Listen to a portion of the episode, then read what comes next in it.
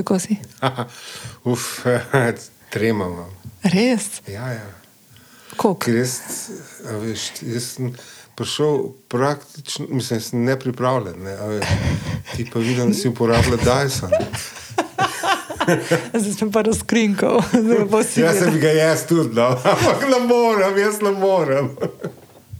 Noč, greva. Ja, dajva. ne, koliko si živčen od 1 do 10? Osem pa pol, Ok, jaz tudi nekaj tasga. Noč, peva. deva.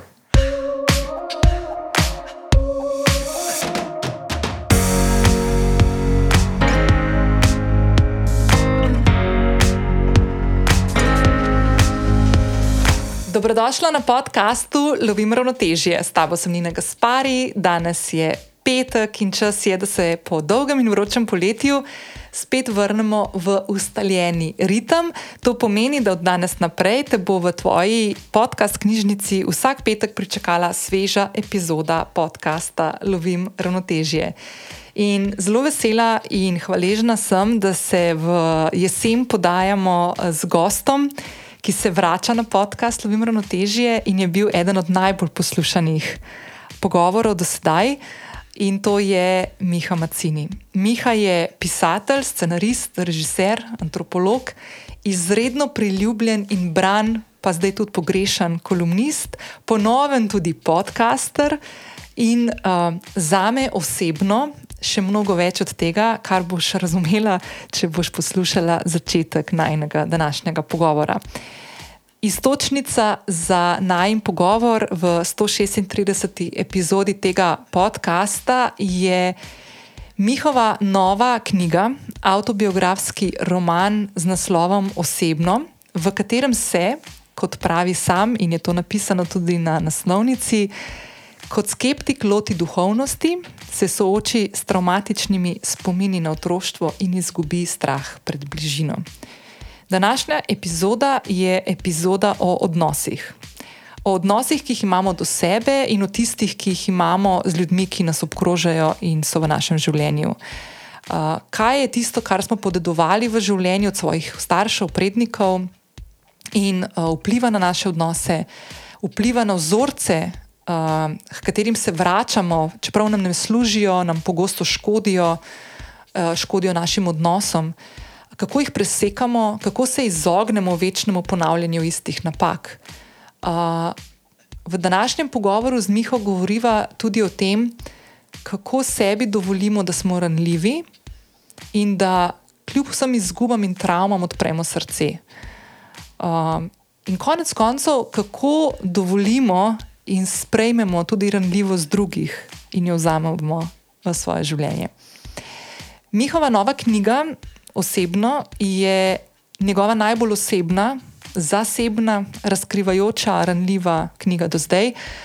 Pa to ni lahko reči, ker je Miha izdal že prek 40 knjig in vsaj dve knjigi, ki sta se zelo dotikali njegovega življenja.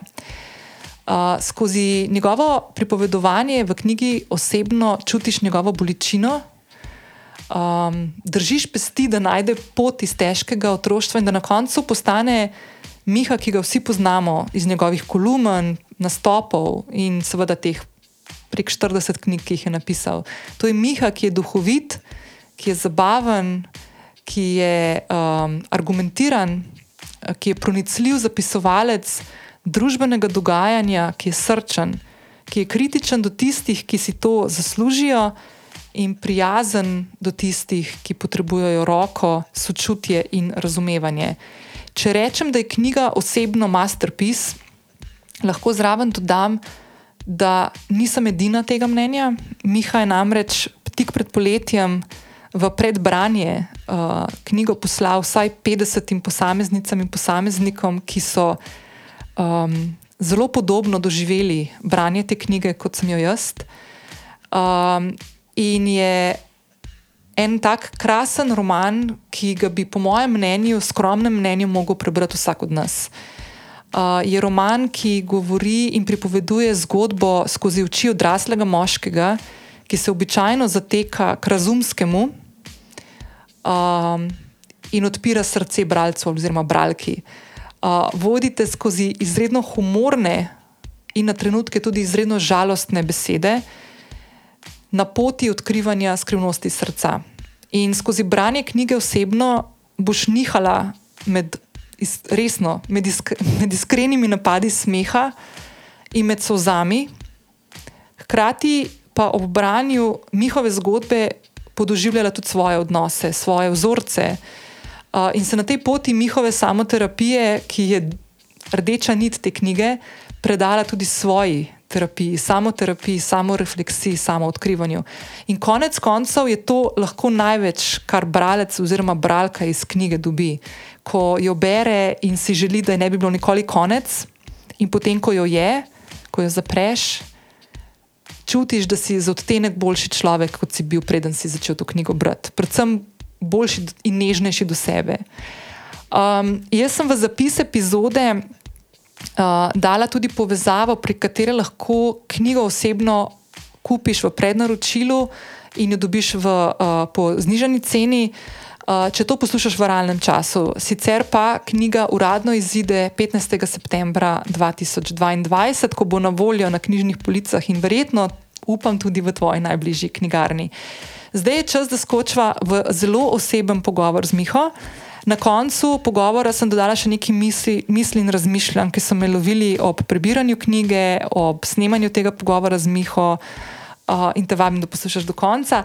Še prej pa, da ne pozabim, če še nisi prijavljena na podcast Lovim ravnotežje, to lahko vedno storiš prek aplikacije, na kateri trenutno poslušaš to epizodo, oddaš lahko mnenje, oceno uh, pustiš ta uh, podcast, link tudi za, na svojih social medijih kanalih, da me potegi, da bom to vilnosti lahko zahvalila. Lahko se mi javiš na moje uh, zasebno sporočilo na Instagramu, da se ti osebno zahvalim.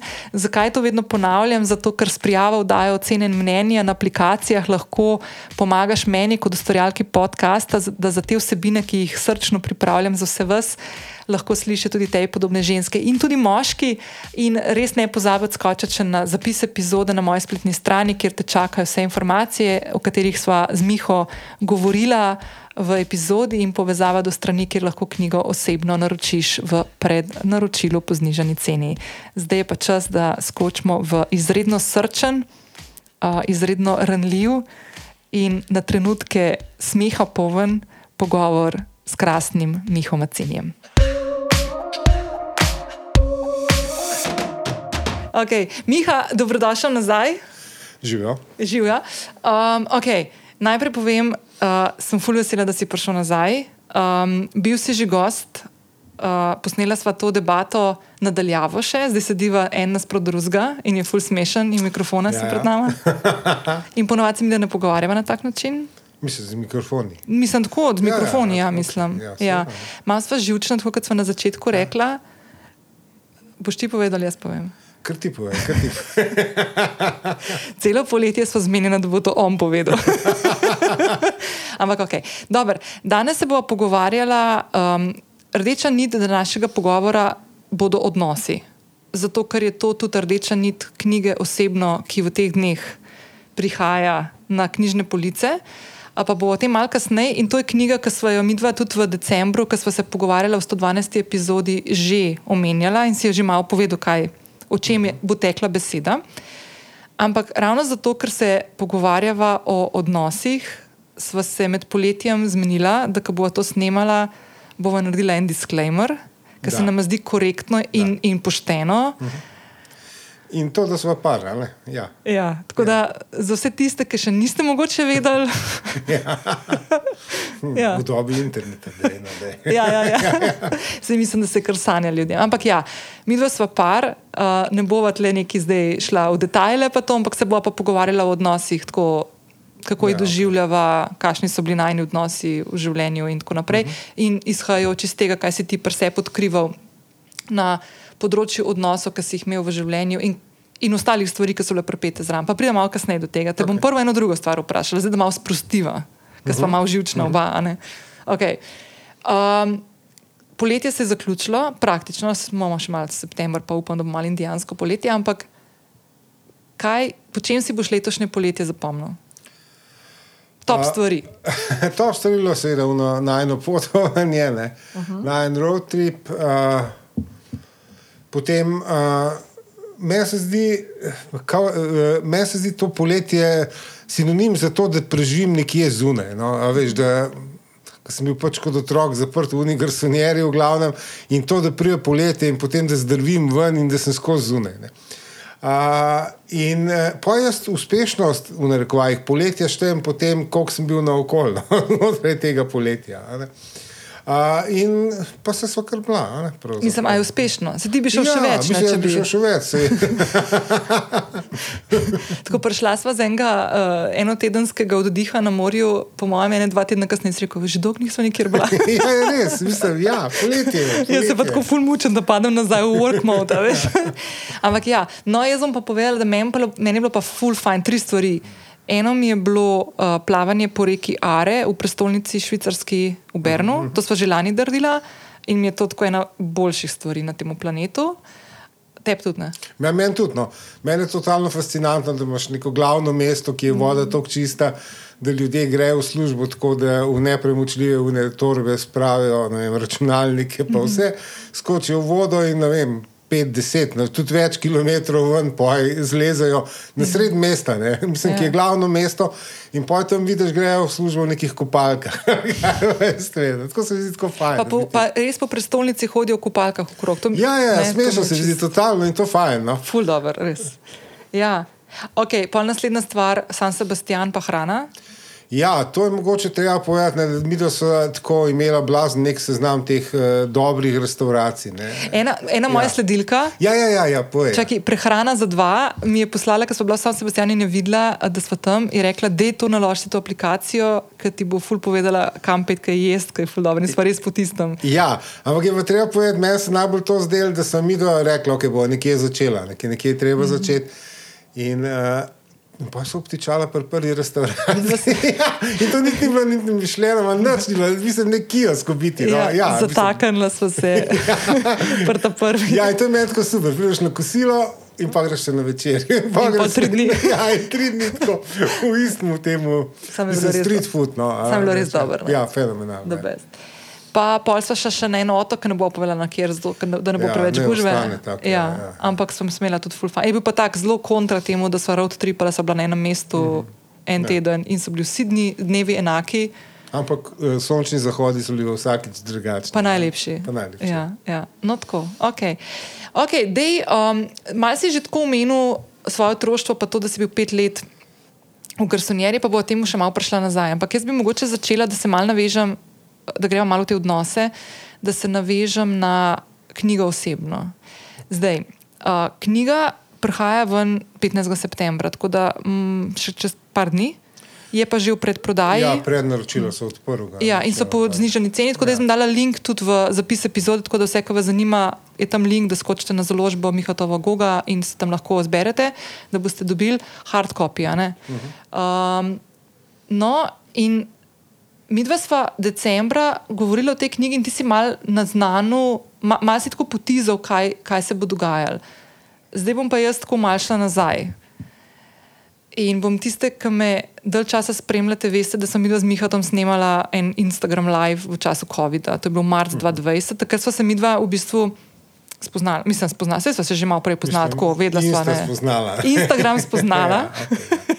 ja.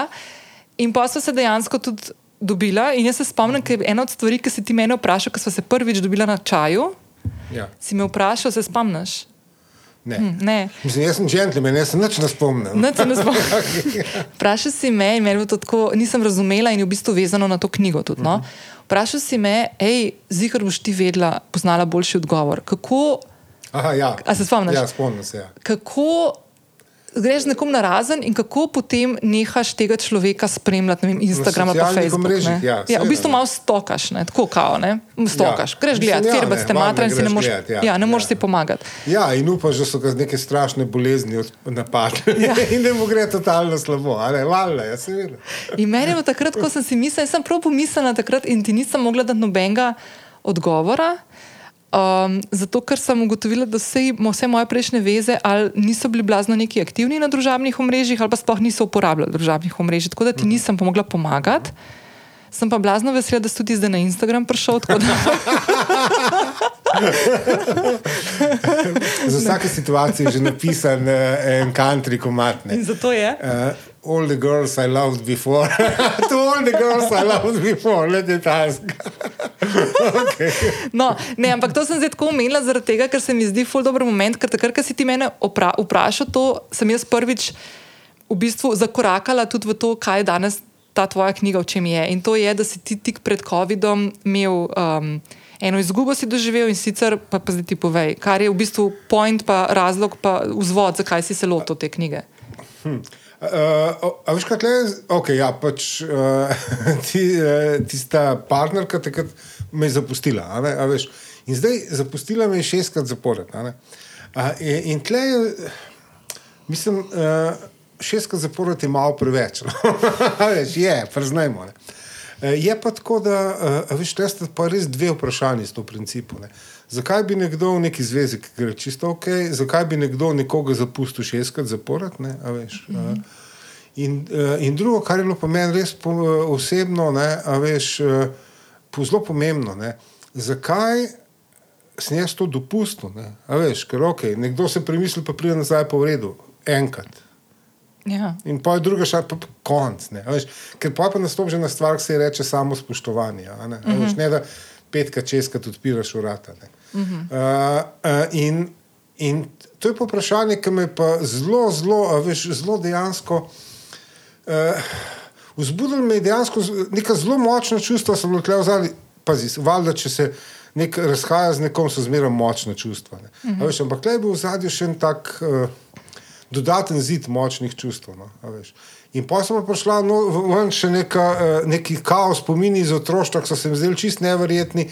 In pa sem vedel, da sem v bistvu v buli, ne? da v resnici s tem uh, odhajanjem, ki sem mu bil priča, preigravam nekaj iz otroštva. No? Eno vprašanje. Kdaj si se ti začel sprašovati pri sebi, zakaj hudiča jaz šestkrat ali pa petkrat odpiram vrata za nazaj. A si to že vmes, kaj se je to dogajalo, ali takrat, ko je bil ja, konc? In to je najbolj grozno, veš, eh, ker se zdaj jaz te ponostavljam. Ampak razum, pa veš, čustven sistem v možganih ni vse najbolj po, povezan. Mm -hmm. In je čist možno, veš, da ti nekaj počneš na čustveni, a veš, mm -hmm. hkrati pa razum točno ne, stari, kva pa počneš, no, kva pa je zdaj to, a veš. Mm -hmm. In to so, a, mislim, vse imaš to izkušnjo, ne, valjda. Ne? Ja, in to je grozna izkušnja, ne, a veš. Jaz sem to izkušnjo, da sem jaz bila tista, ki sem bežala stran. Recimo, ja. Ker se je kakšna ja. stvar zakomplicirala, sem bila, ja. ok, konc je. Ja, to je to, ja, ja, ja, dio. Ja, ja, Zato, ja. ker imaš občutek. Da se boš s tem rešil. vem, ja, veš kaj, enkrat sem spomnil, kaj je bil nek, nek kozbi šov, sorry, da ga omenjam. Zdaj, ampak bil je kozbi šov, ki so v vrtu sprašvali veš, o odnosih. Ne? Veš, v vrtu, tam, neke ja. mulčke, ne, ja. pet, šest let. Ne. In, uh, in po enem ga vprašam, ga te malo, tako da je bil ljudski. Je bil. Uh, Uh, mislim, če bi bil kaj že zaljubljen, reče: Ja, jaz sem v puncu, pa vse to. Ne, reče, um, kaj pa se je zgodilo? Pa je pa v vrtec prišel en lepši od mene in ona me je pstila.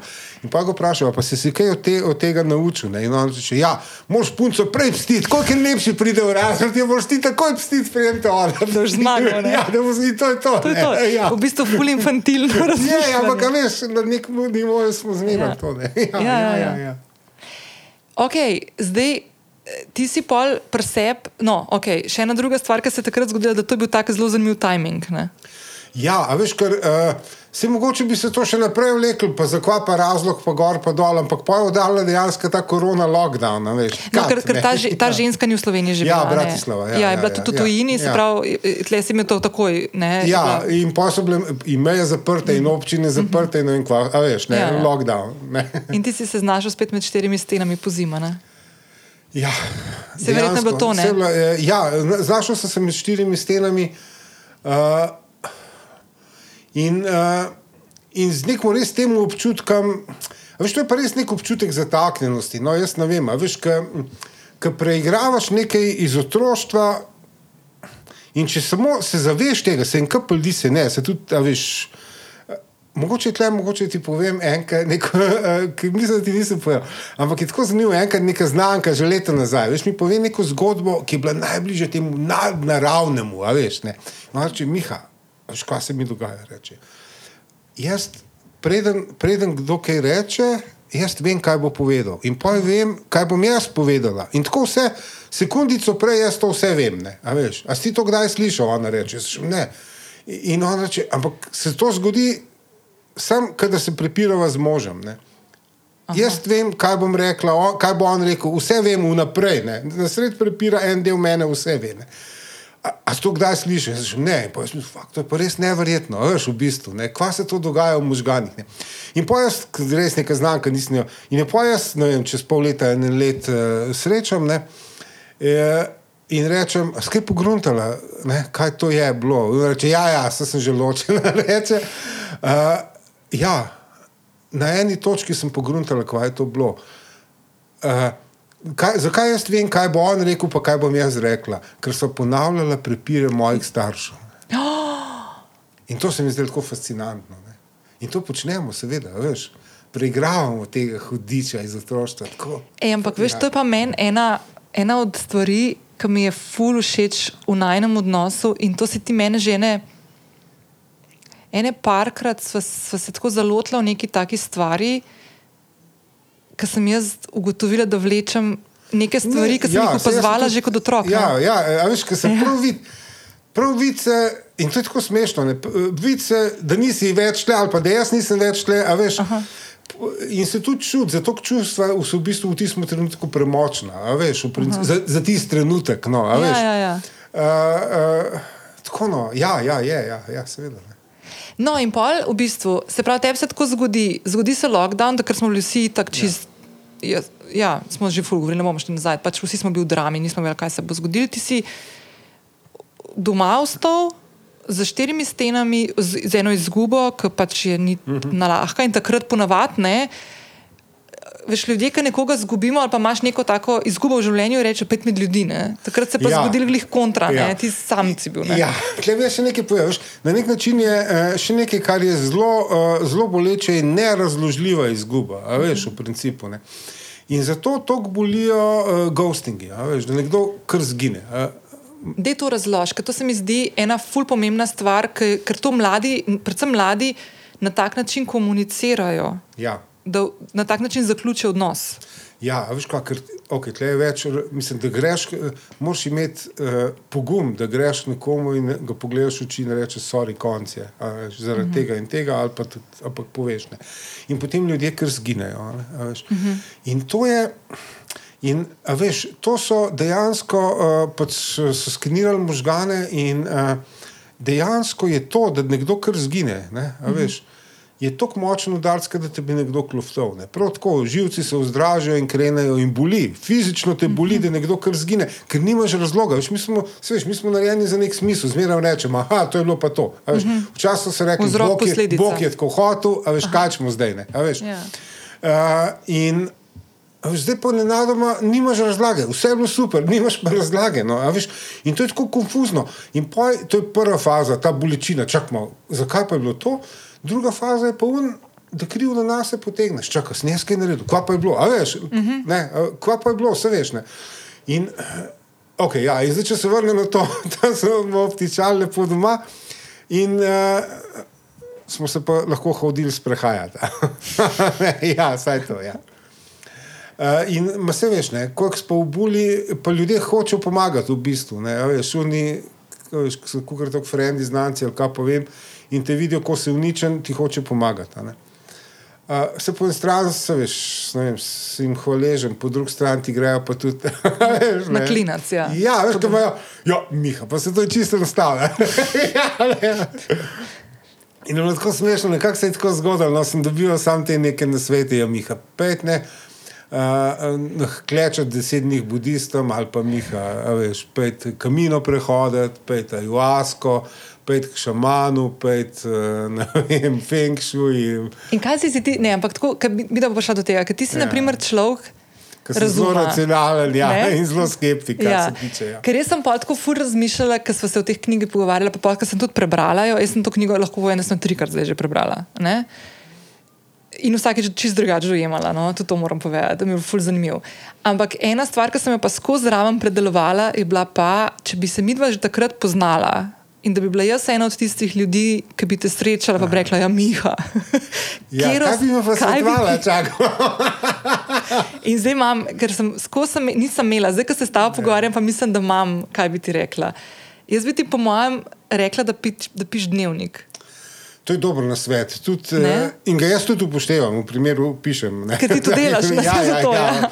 In to je zelo dobro na svet, ker ti Ja. ja. da to malo distance. Ne, veš, eh, Ja. ja. To se strinja. Ampak kaj pa ti, ki si, naprimer, ti, ki si res tako, ki si človek, eh, tako res racijo, pa tako študiral si delovanje možganov, doktoracij iz tega ja. naredil. Ti si tako res tak, mislim.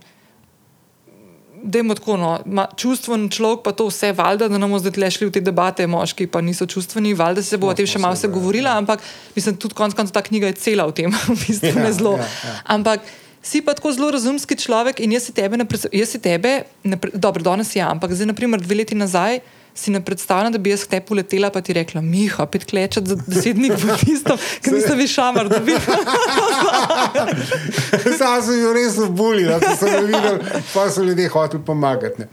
Uh, zdaj, uh, ja, veš, na nekem trenutku je bilo tako smešno, sem si rekel, čakamo, čakamo in pa sem zapisal dol, res, zapisal sem na, na listek, sem zapisal vse te mm. predloge. In sem si rekel, kaj bo, če bi jaz to vse naredil, zdaj, a veš, naenkrat. In o tem napisal knjigo. Prav rekel sem si, kaj bo, če bi jaz to naredil. Ne? In zdaj tle je nekaj pomembnega, in po mojem, to uh, je treba povedati. Uh, je to treba povedati, um, ker to prevečkrat pozabimo. Veš, v bistvu na nek način imaš v življenju samo dve poziciji, pasivno ali pa aktivno. Ne, veš. In edin. In ko lezeš v to pasivo, veš, ti si doma, zapuščen, veš, jaden si ves in se smiliš sam v sebi, in si zlezel v to pasivo, rešitev je v tem, da preklopiš v aktivo. Ne. Veš, in sem jaz dobil to nalogo, aha, zdaj moram pa ne vem, deset stvari izvesti, pa zorganizirati, nenadoma sem se z nečem ukvarjal. veš. Nisem imel manj časa, da si Za kaj drugega? Veš, vsi ti rituali so za to narejeni. a ne? A Veš, da mi poj nek ritual izvedemo, ne vem, nekdo umre ali pa nekaj in pojmo mi nek ritual, z nečem se ukvarjamo. a veš. In to je zato tako narejeno, zato da se mi zaposlimo, da smo aktivni. No? A veš, In tle je bilo meni super, ker jaz sem to takrat marca sem se lotil, prej sem s- kamino sem pa pol septembra, oktober prehodil. No? A Veš, uh -huh. In je bilo super. V bistvu sem pol leta porabil za te, te podvige v narekovajih. Ampak sem nekaj počel, no, veš. Uh -huh. In ker nekaj počneš, čas pa mineva. Ne. Za vsako prebolevanje pa rabiš čas. Uh -huh. veš, ne. In zdaj v bistvu ti si, mislim, da je ne 8-90 stvari naredil. ne? Ja, ja. Kar je meni ful lepo pri celotni tej zadevi, zato ker gre veliko stvari je noter takšnih, ki ljudje po njih zelo posegajo. Rečemo temu, da so tako malo moderne, te neke tehnike, Ja, self-care, pa to ne. Ja. Um, ki jih lahko tako, že malo tako zamahom rečeš, eh, ne. A veš, mislim, tako že malo mal si lahko že tako malo do njih, tako malo. Eh, Kako ne rečem, ne žaljiv, ampak tako ma, ma, malo se ti lahko zdijo brezvezne. No? Na trenutke, ki tega reži ful velik. In kaj meni ful všeč, je, da si se ti tako, kljub temu, da si tako racijo, ne? da si se v bistvu zelo spoštljivo teh stvari lotil. Ja, jaz sem Ne? spoštljiv skeptik. Veš, ja. Ja. V bistvu jaz lahko dvomim totalno, ampak a veš, mogoče še najbolj čudni ta šaman, veš, ta munpal, ne vem s čim, s to neke. Neke rože, nekje cediš, pa topiš, pa z nekimi jajci se polivaš ali masiraš ali, ali kurim. In po jih me, zakupuješ nekje, pa blazno. veš, Neka blazna pravila so tega rituala. Ne. Ampak zdaj pa tako ne, veš, eh, jaz nisem eno nuka, veš, če grem v to, nam bo, je to, kaj je, a veš, se zraven nekaj ofnov. Ja. Če sem to sprejel, sem spoštljiv skeptik, vse bom naredil, pa da vidimo, kva bo. Pa, veš, pa zraven beležil, kva, a je, kako in kaj. Je pa resno, da sem pa prej ene stvari pa eh, dejansko izločil. eh, Izločil, ko se ni zdelo, da kakorkoli lahko vplivajo. Ne, veš, eh, Naprimer? Kaj pa jaz vem, neke te, uh, kva so že umk, neke une pošiljene energije, ne vem, veš.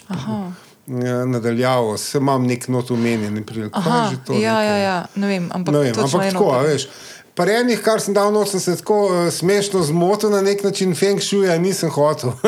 Veš, ampak se je pa izkazalo, da dejansko veš, predmeti, ki jih razpostavljamo, so nek, veš, nezavedno razpostavljamo neke predmete, imajo nek vpliv na nas. Uh, tako uh, je smešno, no?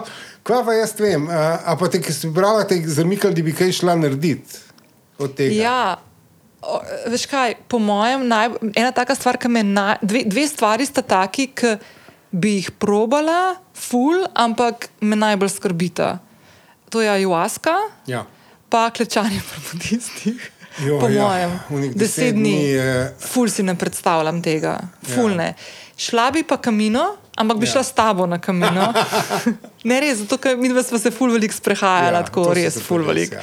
In mi je tako, in, in mi je ful dobro.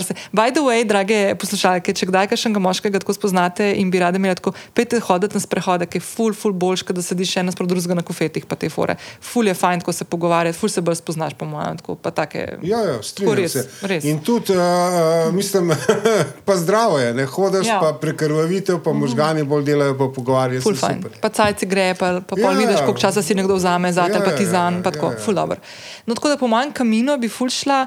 Pa, um, čakaj, kaj je še bila taka fora? Uno, žerjavca bi, po mojem, tudi šla hoditi po njej. Ja, Ja, to se mi je pa zelo podobno izkušnja, kot jaz po tisto na ledeno vodo, ko sem šla. Ja, ledeno vodo tega Wim Hofa sem jaz pa spustil, ker sem hotel jeti k njemu, on ima na polskem ali nekje, uh Mhm. -huh. ampak zaradi korone ni bilo uh -huh. nič. Tako sem, to, sem se začel tuširati z ledeno zjutraj, ampak to je bilo to. No. To me še čaka v bistvu. No. Ampak to Bi naredil. to bi šla pa jaz tudi tabo. Okay. Res. okay, okay. Samo na are je bil 18, pa si že bil malo Pa sem že skakal not. a? ja, tako lahkotno si že noter. Ne, to mi je bilo tako, no, ampak uh, drugač pa, uh, kaj pa vem, no, um, ne, veš, kaj sem te hotel vprašati. Zdaj, okay, vse te stvari si ti to zdaj skosne. Napisal si jih, popisal, tako da vsak lahko to prebere. Uh, Da ne razkriješ preveč, kaj se zgodi, ampak veš, kaj me zanima.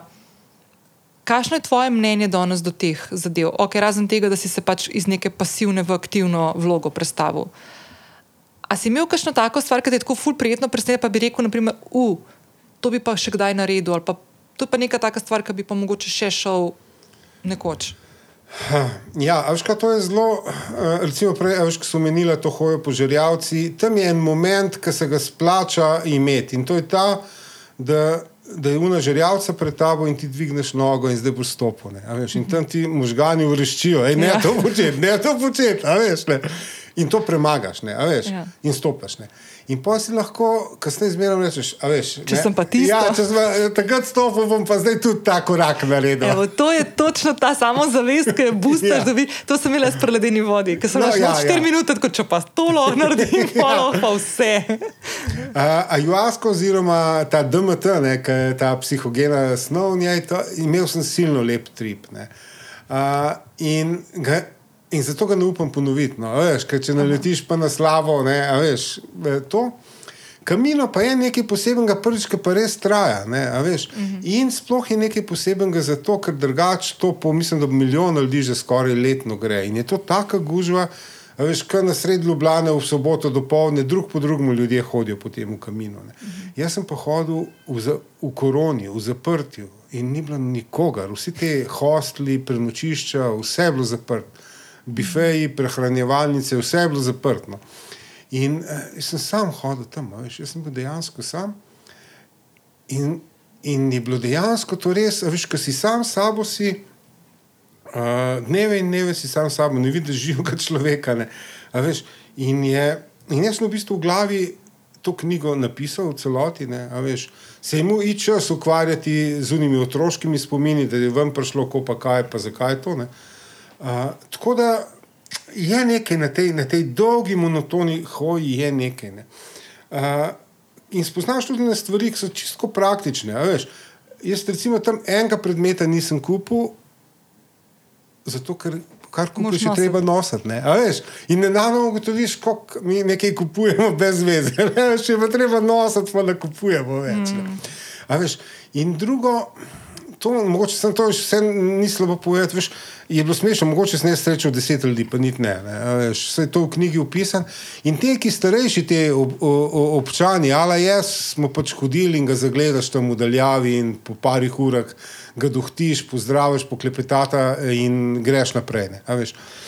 In sta, da rečem, starejši ljudje so hodili.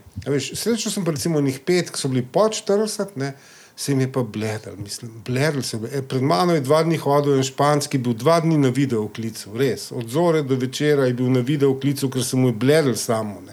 In to je blazno težko. ne, a Veš, dejansko je težko biti sam sabo. ne, a veš. In tam pa moraš biti, v tem primeru. Drugače ni treba, ker meso kamino niso svetali, zato pet Miha na kamino hoditi, da bo sam sabo. Mm -hmm. Miha, pet na kamino, tam je guža, tam boš kakšno žensko spoznal. ne. A veš, pa poj zvečer je žur, pa se ga zapijemo, pet na kamino. A veš, to je bilo izhodišče, zakaj ne grem jaz na kamino. Dober na svet. Pa pa jaz pridem tja, pa ker beg. Kot da sem napačen deodorant uporabil. Sem, sem ful vesela, da je tako. Yes, yes. Ti tam tam na portugalskem, nekje, a bi za glavo. Ej, ne, veš, kaj sem te hotla, um, ko omenjaš to otroštvo, ne? Da je mogoče to stvar, um, zdaj, če naprimer nekdo še ni bral tvoje knjige otroštva, v kateri pišeš o svojem zgodnem otroštvu. In je, mislim, da je dana 2016, a ne? mislim, nekako 2015, tako, ja, 2016. ja, ja. Um, potem, kasneje si napisal, mislim, predtem si napisal pa Kraljev potujočih duhov, ki si bil pa tam, ko si bil star 12 let. Uh -huh, ja. Um, by the way, vse te tri knjige so zdaj tudi na voljo, ne, v, Ja, v skupaj. ja, Ja, in je ful dobro, no, zato, ker veš, kaj mi je ful zanimivo. Ti si meni povedal, da si najprej napisal Kraljev potujočih duhov, zato ker se dolg časa nisi spomnil svojega otroštva pred 12 letom starosti. Ja, in zato ta knjiga seže v 12. leto, ker jaz se res nisem spomnil Mhm. prej. ne. Uh, je pa res, veš, da uh, takrat sem bil, po mojem, najbolj v buli, mislim, najslabše sem se počutil v življenju, tam recimo okoli leta 2000. In, uh, in je, to je zdaj zanimivo, da je malo narodno povedati, pa ampak je treba povedati. Uh, in sem jaz rekel, nočem se tako slabo počutiti, jaz grem na psihoterapijo. Uh -huh. In en največjih strahov, dejansko to so raziskovali pisateljev, je, oziroma kreativcev, da ne grejo na psihoterapijo, zato ker mislijo, da če navijo trpeli, pa navijo več ustvarjali. Uh -huh. Ampak to je seveda neumnost. Ampak jaz takrat tega nisem vedel. In zato sem na hitro šel pisati v bistvu tega kralja ropotajočih duhov.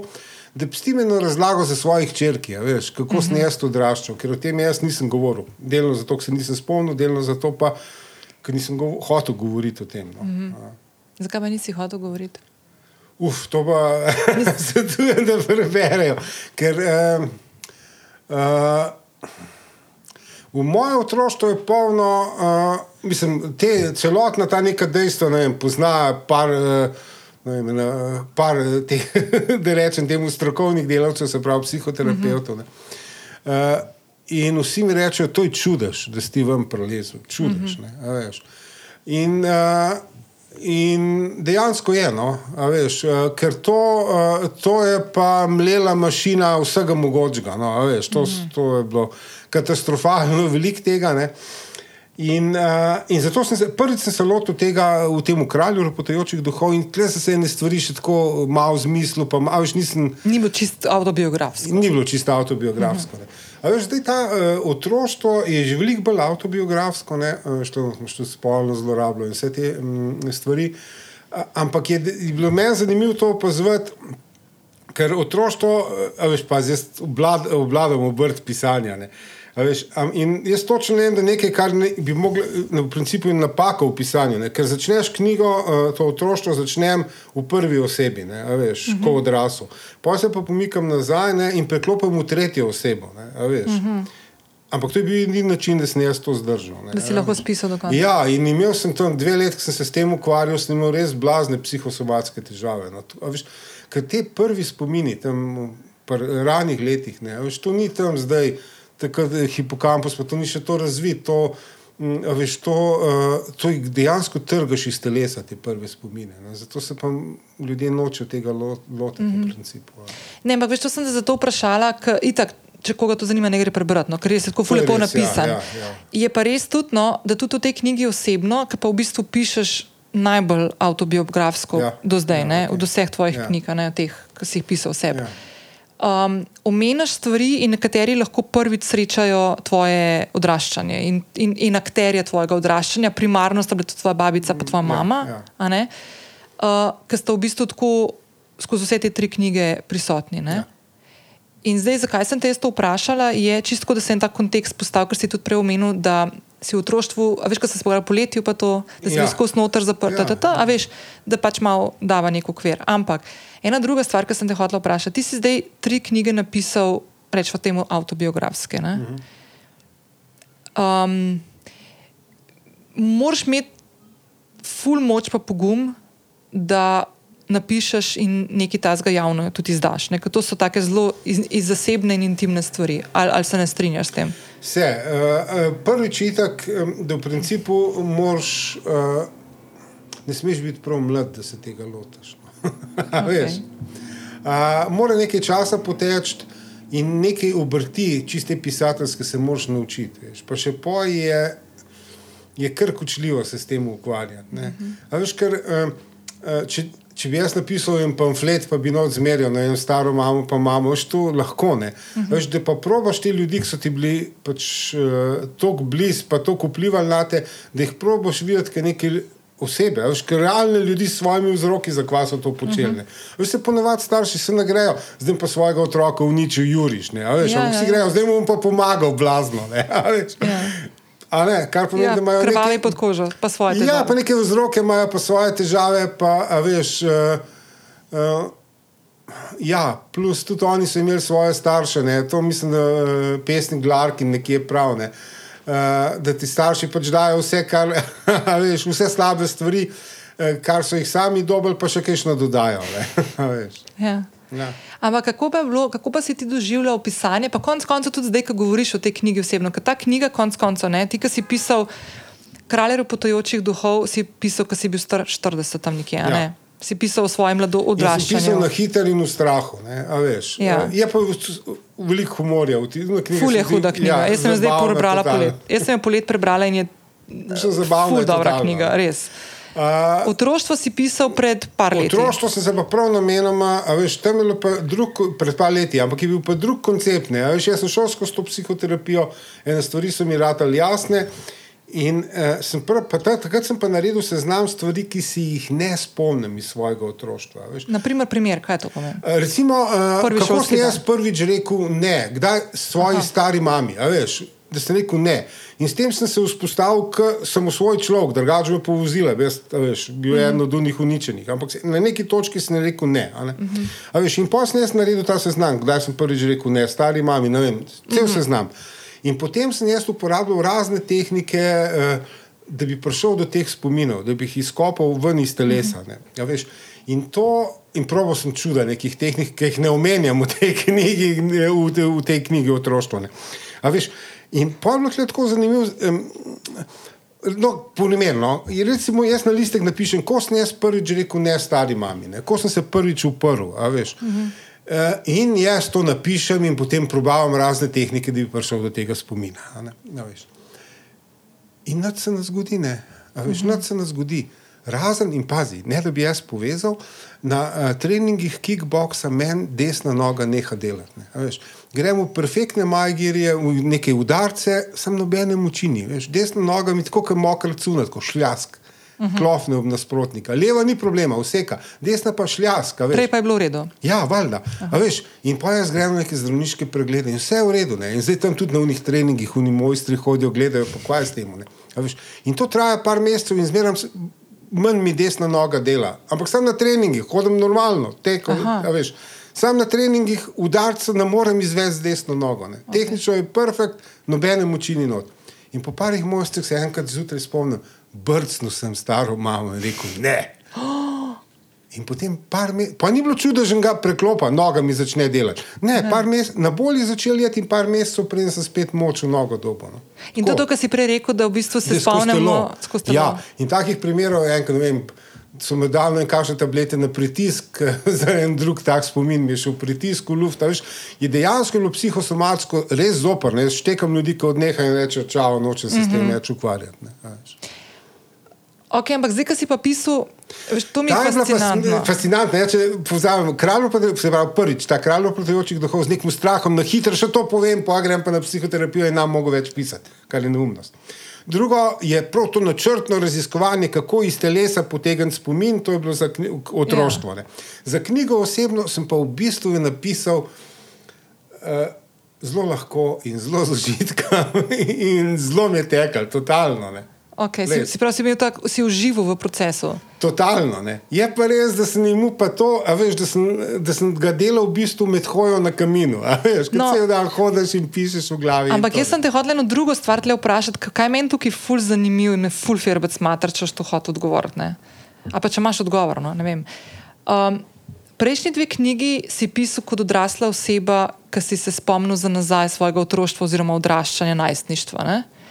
Zdaj si pisal pa kot odrasla oseba praktično skoraj da v realnem času, kaj se ti dogaja, pač dve leti nazaj. Ne? Ja, nekaj stvari so no, tudi v realnem času. Ja. Mislim, da No. so, so označeni datumi, ne. so tudi v realnem Mislim, času. se zgodi, Seveda, dve leti ja, nazaj ja, so se te, ja, te ja, stvari ja, zgodile, dve ja, leti pa pol. Ne? Kako je bo pa to dojemanje? Mislim, a veš pa tudi to, ne? ti si se v bistvu zelo napladen dal, ne? stvari, ki so se zgodile in dal v knjigo, ki jo zdaj daješ ven. A si imel kakšen strah, a te je kaj skrbel, a je tako. Uh, moram reči, da ne. No. A Veš, padel sem, kar se pisanja tiče, mm, to je tako smešno. Ene stvari se, ma se veš, ne. grejo z neko, se moraš prav res matrati, pa moraš biti priden, da rečem, moraš ustrajati. Ne. Včasih pa padeš v ta flow in kar delaš. Ne. In ta je bila knjiga tega flowa, no, v principu, zelo, res. In eh, edini problem ni bil, da bi jaz pisal verzijo po verzijo. Veš, problem je bil, da sem preveč napisal in v bistvu sem skoraj dve tretjine ven vrgel, veš, na koncu. Ja, ja, ful sem pisal, pa sem pa skompakt, kompakt, tank, tank, tank, a veš, tako, da se bere kašu zdaj, jaz mislim. no. Ja, ja. Okay. A ni ti bilo pa tako, zdaj pišeš v nekem tako, to se meni zdaj zgodilo. A veš, ko mislim, Eh, ja, se mi zdi razumem. eh, Ja, mislim, edina skrb mi je dejansko bila. Mm, a veš, kaj noč so neki realni ljudje nastopajo. Okay, Aha. moja mama, stara mama sta mrtvi. ne. Ampak uh, ti realni ljudje, ki pa nastopajo, uh, sem, je bila pa edina skrb, kako jih zakrinkati, no, Mhm. da ne bi bili prepoznavni. No, a veš. Mislim, Okej. okay. vse veš. No. Ja, ja, ja. Okay. Da me ti vprašaj, kako je. Smo rekli, da bomo se pogovarjali. daj mi- Ja, zdaj sem daj. zašel, se- se Ne, ne, nisi spomnim, zašel, ampak- ful dobro. Super je to. Dobro, ampak eh, meni je čisto jasno, vse verjetno si ti ugibala, kdo je kdo, ali, ali pa kaj Ne, takega. nisem. Nisi, a res ne? ne. Veš, kaj je meni tako ful zanimivo bilo? Um, ti si meni to knjigo dal za prebrati, mislim, da prvič lansko leto enkrat. ne? Ja, bila si ena prvih bralk. Ja. Ja. Mislim, bralk. In tak- takrat mi dva nisva bila skupaj. Ja, Ja, Sam to. ja. Pač jaz sem to tako brala in sem brala s čisto eno drugo dimenzijo in z drugim pogledom na stvari, kot sem brala za lepo let. Ful sem bila presenečena, veš kaj, tako, zelo sem zaščitniška. Um, opazila sem, da sem zelo zaščitniška do tebe, da sem mogla jo tako doskrat na stran dati. Feeling sem imela, po eni strani sem imela občutek, da jo prvič berem, kadar nisem še prebrala, pa ne vem zakaj, ker v bistvu nisi spremenil neki ful ne. od tistega, kar sem jaz dobila verzije. Ampak ne vem, se mi zdi, da sem pozala mogoče kakšne stvari in sem jih pa še enkrat, da bi jih na novo. Drugače pa tiste stvari, ki sem pa vedela, da sem jih že prebrala, pa sem jih zdaj še enkrat, sem jih pa čist drugače dojemala. Ugotovila sem tako, da sem ful zaščitna, ful sem bila jezna, izrazito jezna na tvojo mamo, mhm. ful. Um, in kar mi je bilo najbolj noro, to pa evo, povem na glas lahko, da nisem, meni je bilo ful strah, da bom kaj ljubo Ja, valjda, normalno. A veš, berem tam o tvojih nekih živ, bivših partnerkah in si mislim, tako, kva mi tega treba na tem svetu, ne mislim, kva to, nek sadomazo, a veš.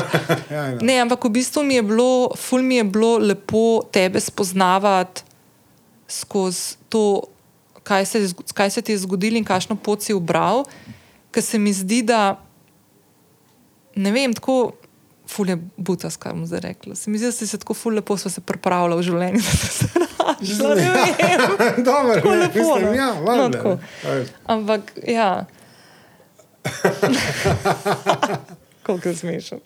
Ja. Ful se smešen s tabo pogovarjati, res, res tako ful mi je smešen. Ampak, ok. Um, Dej mi povej zdaj, okay, dve tretjini knjige si dal ven. Kjer, kjer je, ka- a je še to, ful zanimiva stvar. Veš, kaj mi je všeč pri tej knjigi?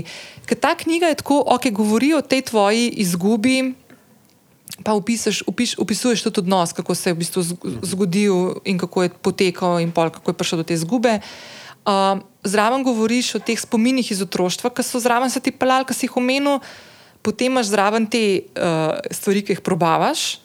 To je ta tretji del. Ta četrti del je pa tako, da v bistvu tako fule poprepletaš, pol tudi ta racijo, del noter se pravi, da daješ, naprimer, um, zakaj na nek način reagiramo v neki situaciji, tako kot si prej opisal, veš to, kdaj se ti sproši nek to ali pa od iztroštva, zakaj temu tako, kako naši možgani funkcionirajo. In je v bistvu tako knjiga, ki ti da neko pogled, da te stvari, ki se tebi dogajajo na teh čustvenih ravneh, ni to nekaj zato, ker si čuden, ne, ampak da je tudi konec koncev fiziološko in, in telesno tukaj stvar preklopljena. Druga stvar, ki pa mislim, da nikoli nisem imela ob branju ene knjige tako močno preklopljenega občutka samorefleksije, ker sem šla tako ful skenirati svoje odnose in pretekle, in te zdaj, ki jih imam vem, z mojimi bližnjimi, prijateljske, starši, Maja, sestra. Tako, veš, predvsem tudi odnose s bivšimi moškimi, konc koncev. In mi je tako bilo. Ful mi je bilo zanimivo. Ene odgovore sem si dobila noter v tej knjigi, ki jih nikoli prej nisem sama pri sebi našla. Škaj, to mi eh, veliko ljudi reče. No? Da, da je to res neka knjiga, ki se prvič bere, zelo je napet, kaj je ta skrivnost, pa ko bom jaz prelezel skozi vse to. Ne? Ampak drugič pa pa ponovadi berejo točno za to, za ta premišljanje o lastnih odnosih. Ne? Mm -hmm. Ker jaz tle vse, veš, ne, jaz sem tle pač. Uh, neke, uh, uh, neke te uh, odnose zbral tudi zato, ker so si zelo različni. Eni so nevarni, oziroma zato, ker so preblizu, so ljudje prezlepljeni skupaj. Uh -huh. Veš, eni so pa taki, ker so ljudje preveč narazen, pa je tudi ni ok, uh -huh. ne, v principu. Ne. In zdaj to uh, uh, bližino ali pa oddaljenost loviti je pa hudič. Ne, veš, ne, uh -huh. In, uh, in nač, veš, če neč drugega ne narediš, kaj pa jaz vem. No?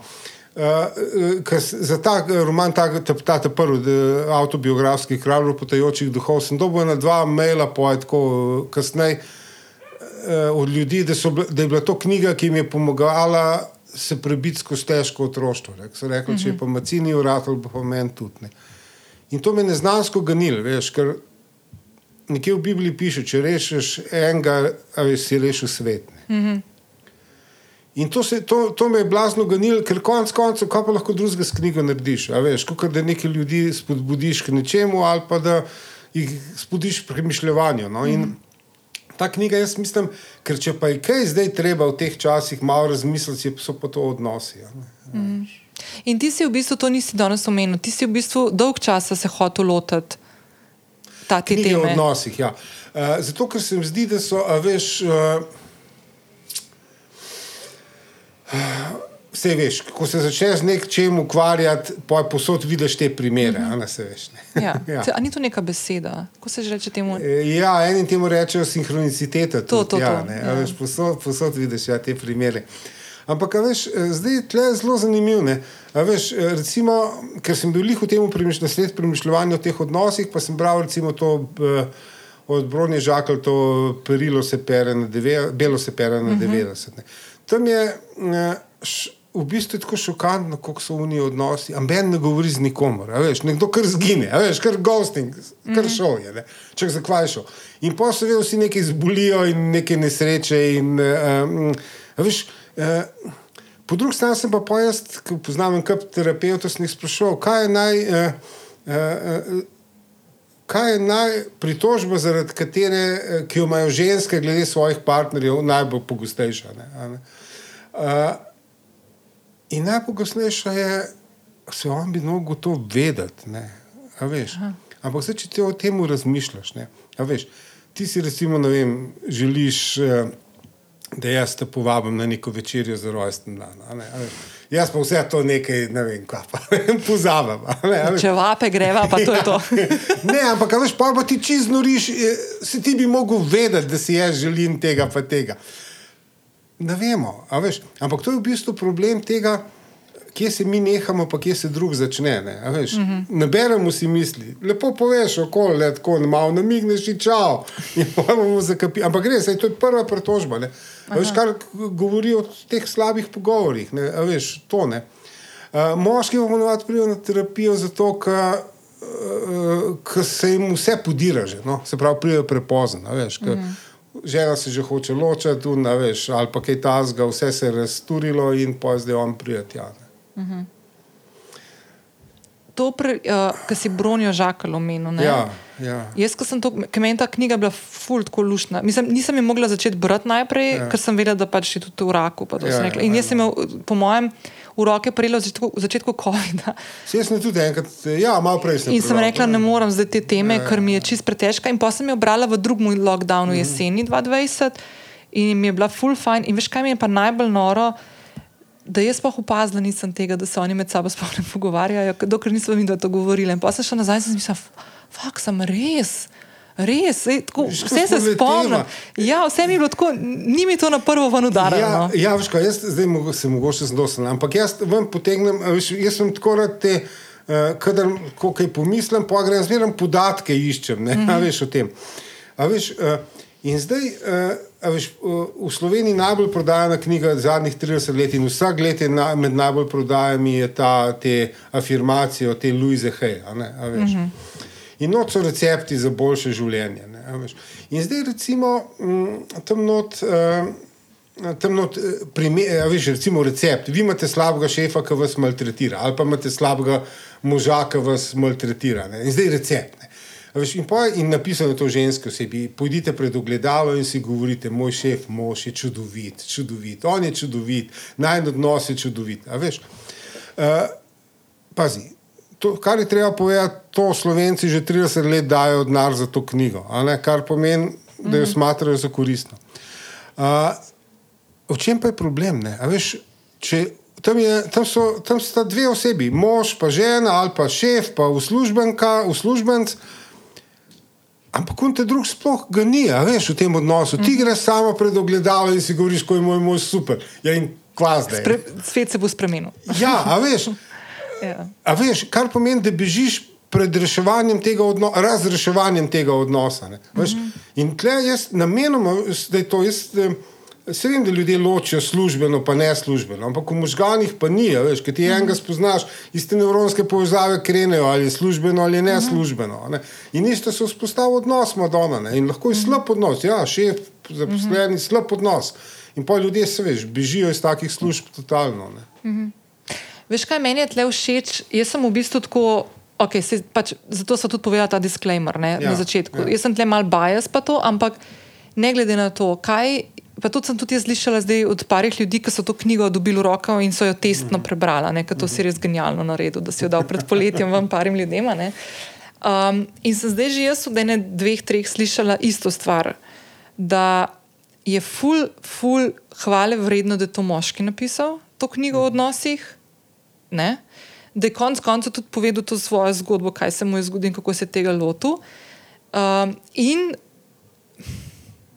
jaz bi si tako res, ker ženske v bistvu posegamo po vsebinah. Tega tipa. Zdaj, a je to Luiz, upam, nekaj drugega, kot ta, okay, ja, hej, ne, ja. a veš, ne, valjda, ne, ampak posegamo in smo ful bolj mogoče odprte za, te, za to neko samo refleksijo, domač delanje na sebi, kako koli temu zdaj rečeš. Ne? Neko Ja, ja, razumevanje valjda. sebe v svetu in odnosov in tako naprej. Mogoče moški potem manj, ali pa, ali pa lo- da, lahko da se motim, da ne, ali kako Mislim, ne manj, vem. ampak jaz mislim, sorry, jaz mislim, da je z moškim celo težje. ne. Veš, ker on mora pa kar vse prenesti, kot en kamen. Ne, ne, ne, vse, vse, vse to, Ja. vse to. Vse točno to sem do tega sem zdaj hotela priti. Ker v bistvu v tem, mi dva tole zdaj snemava, ene dva tedna, preden bo šlo ven. Ne? In jaz se spomnim, da je par, par dni nazaj prišla ta raziskava o mladih, ne? kako imajo v bistvu samski, mladi, moški, mladi moški težave dobiti partnerko, tudi zaradi tega, ker smo ženske na tem področju neke te, tega samozavedanja in ne, naredile ful več korakov v zadnjem obdobju kot moški. Naprimer, ne. in mm. moški konc koncev tudi nimate, zdaj mlajši, predvsem nekih takih. To smo se mi zadnjič pogovarjali, zato sem zdaj to temo začela moški mladi nimajo nekih vzgledov v svojem življenju. Teh, pustimo družino, ne vemo, ne? Mm. ampak navzven, ne? a veš, imaš une super junake, sorry, pač odnosov z ženskami ali pa kakorkoli partnerski se učijo večinoma sporničev, pač sorry, Ja, ne. ja, seveda, ne. A veš, ne, pa imajo pa razne te influencerje, tudi ko smo zadnjič, ko sem ti pari tudi pokazala, da si tudi to zasledil, zdaj ker je to tako grozen, ne, to je tako prav spodbujanje tega nekega toksičnega razmišljanja odnosov, ker to niso odnosi, ne, kar bi ne bi bili. In mi je v bistvu ful lepo in full fine. In tudi to je ena od, uh, sled, ena od kolegic, ki je prebrala knjigo, povedala, da je kaj mož prebral in rekel, da ne pove, kdaj bo knjiga prišla dejansko ven, da bo tvojim prijateljem kupil zadaril. Ker to Ja. mora moški prebrati. Ja, ker je to tako smešno. Veš, smešno je, to so neki te ostanki tega. eh, Dejansko patriarhalni sistem se je zlomljen, pač, hvala Bogu, ampak kaj ga zdaj nadomesti. Ne? In en kup je vlog za ženske, in po mojem ženske problem, ker je preveč vlog. Mm -hmm. Hkrati je bila popolna poslovna pod, uspešnica, a veš, hkrati ne bi še kuhala, pa prala, pa odlična v postelj, pa otroke vzgajala, veš, blazne nekih mm -hmm. vlog je na ženske preletel, na moškega so pa vloge kar zginile. Ne, a veš. In dejansko je vprašanje, kje so zdaj vsi ti moški, ne nadoma in kaj počnejo. Ne. Hkrati se pa mora delati kot en kamen, da se njega nagane. Ne, a veš. Uh, am, ampak ni tako, no, jaz meni se zdi. Ampak tem jaz sploh nisem prišel. Jaz sem to knjigo, a veš, šel pisati, kot že prej, un, ne da se jaz tam nekaj delam. da Sem, a veš, pa če izpadem bebec, bom pa izpadel bebec. No, mi je dejansko prav vse. ne. L- Z veseljem izpadem bebec, dokler je knjiga odlično napisana. Vse to mi je to. Ne, ampak zato sem te to prej vprašala. Veš, to, eh, tle sem šla iz tega vidika. Ne, tako, veš, naprimer, na prvo žogo, ko slišiš, noben noče na glas povedati. Šit, ženska me je zapustila šestkrat. Ja, a veš? Ja, valjda, ja. Ker je to kar neka sramota. Ne? Ja, a veš, ja, zdaj, ko če smo ti za to. delec, Ja, ne, ja. veš, Če bo ne. tvoja dec tega ne pustil, a ne. Ja, ja, ja. ampak pač ne, ne, pustiš. Mislim, se zgodijo Mislim, take stvari v zgodi življenju. se kaj čez zdaj. Ne, Ja, ja, veš, ja. ne. In, eh, in jasno je, zdaj težko je biti moški. ne, dejansko v sodobnem svetu so moški. Ne vem, po mojem, ne vem, če sem to kdaj prav, ampak je. Uh, veš, vsak sistem lahko obstaja zato, ga, če ga vsi člani podpirajo. In mm -hmm. meni se je enkrat zgodilo tako prav. Prav sem videl, kako patriarhalni sistem, ta unta, prav patriarhalni, ker ga on že ni, mislim, je v razpadu. Jaz sem enkrat tam bil sem na neki konferenci ali kaj, sem bil v Jeruzalemu, ne a veš, davno. Ne. In se tam z neko, uh, neko uh, arabko, neko, se pravi, žensko, se mi da sprehajava in klepetava, nekaj razpravljava, blazno razpravljava. Ne. A veš, In, nenado, in tako nedavno jaz to videl, nek eh, tak zelo zakoten del tega Jeruzalema, in tam en starček, tako s palcem, tako sedi na klopci, vse tresočne. In poj vidim tako s kotom oči, mi da tam razpravljava, da bo vstaja in tako počasi gre. In pa pride do te ženske in vzame palco, udar z vso močjo po hrbtu. Tlom! Jaz ko skočim, ga zgrabim z roko in on stari se dere, nekaj dere. In pa jaz vidim, da iz vseh, veš, iz vseh hiš letijo moški s palcem, z lopatam, z vsem, kar je kdo imel, z bejzbolki, z vsem letijo. Uh, In v Arabko zopije bežava in mi dva zvi zlaufava kanora. Ne. In pa jaz rečem, ker smo bili na varnem, reče, kaj hudiče je bilo pa zdaj to. Ne? In ona reče, pomotoma, ko so se zaklepetala, so prišla v koptski del mesta. Ne? In on, starec, je sam videl žensko, ki odgovarja nazaj moškemu. In je pomislil, da rabim pomoč, ker ne obladam svoje žene. Ne? In je šel mi pomagati v teps. Ne? In potem, in potem je klical še vse ostale, da jo takoj namlatijo, ker ženska nekaj govori nazaj. No in to je, a veš, sistem, ki deluje, ker ga vsi člani podpirajo. In hvala Bogu, da je zlomljen, a veš, hvala Bogu. Ne. Drugače bi to sam jaz bi skozi govoril, podcast ti pa tle kavo kuhala. Riba na tla. Res je težko biti moški. Ej, No, ampak pazi, zdaj kruto bo zdaj. Tega suporta ni več za moške, hvala Bogu. A veš, in dejansko so čisto izgubljeni. Ampak to je zato, ker ti nisi na TikToku, Miha. Veš kaj, lej, Aha, zdaj tako je, povemo. Ne? Miha je zdaj tudi na Instagram prišel. Ja, ja, ojoj, Tudi ja. zdaj zaokrožila smo mi dva to najno zgodbo. Ne, ne, ne. Ampak ti nisi na TikToku, ker na TikToku imaš teh vsebin ful. Ne? Ja. Razne, pač takih, ki mogoče ne bi bilo dobro, da jih poslušajo ja. moški, ne? ampak ok, pustimo stati. Drugač pa ena druga stvar, ki še je, ne, um, da mogoče, veš kaj, da sem ti rekla, danes sem ti rekla, zjutraj se mi zdi. Da sem opazila, da je tudi na TikToku full vsebin, kjer moški svetovalci eh, partners, partnerskih vez svetujejo ženskam, kako naj se z moškim pogovarjajo, da bojo kao ga upsmartale. A veš, Ja, ja, ja, a veš kao. A veš, če ti napiše message, hej, WhatsApp, po ne vem, štirih tednih mu napiš, hej, miss me, ampak pol nazaj mu pa napiš, hej, neč ta zga sestro sem na kavi, pa Ja, to, ja, ja. kaj pa ti kaj drugače. Ško mal, dajmo v glavo to, a me pogrešaš, da bo on pol mislil, da res te pogrešam, a veš kao, ne.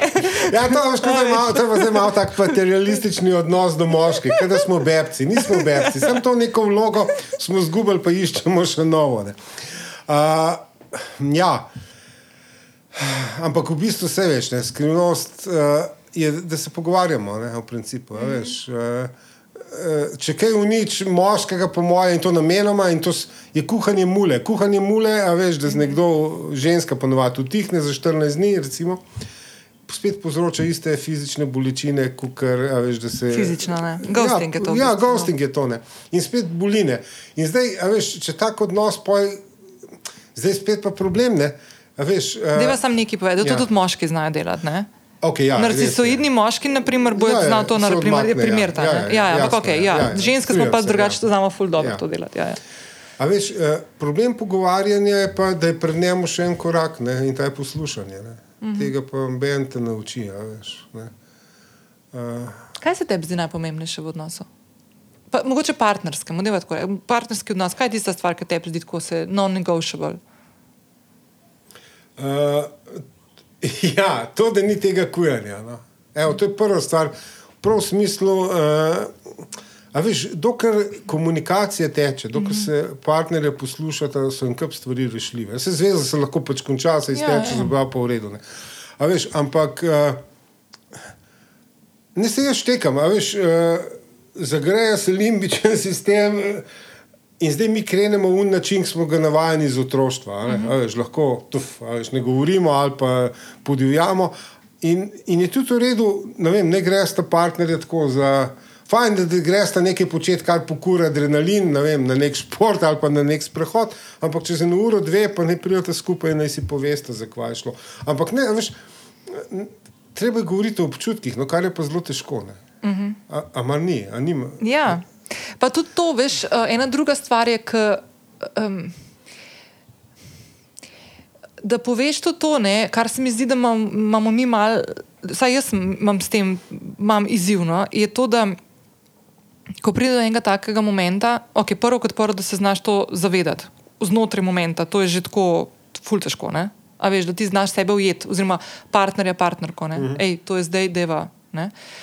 ustaviti. Uh, druga stvar je pa ta, kar se pa meni zdi ful izziv, je pa, da ločiš dejanje od sebe kot osebe. Se pravi, da je lahko neko dejanje, ki ga ti kot dobra oseba čist dobronamerno narediš, pa ga zafrkneš uh -huh. In si neki slab, mislim, to ni bilo kul. Cool, Ne, ti nisi kul. Cool, Okej. A veš, Ja, ta to sistem. strinjam se, ja. To se Ja, meni ja. zdi. Jaz mislim, da imamo tukaj ful težavo, ker tega, naprimer, jaz se spomnim, to smo enkrat mi pogovarjali in si rekel, to se iz otroštva, to se otroštvo moraš naučiti, to, sta, to te starši morajo naučiti. Ja, ne. ja, principu, ja. In, naprimer, jaz ne vem, jaz tega nimam občutka, da sem imela to izrazito naučeno, oziroma jaz sem vse stvari svoje in poraze in stvari, ki sem jih zafrknila in ki sem jih pol poslušala.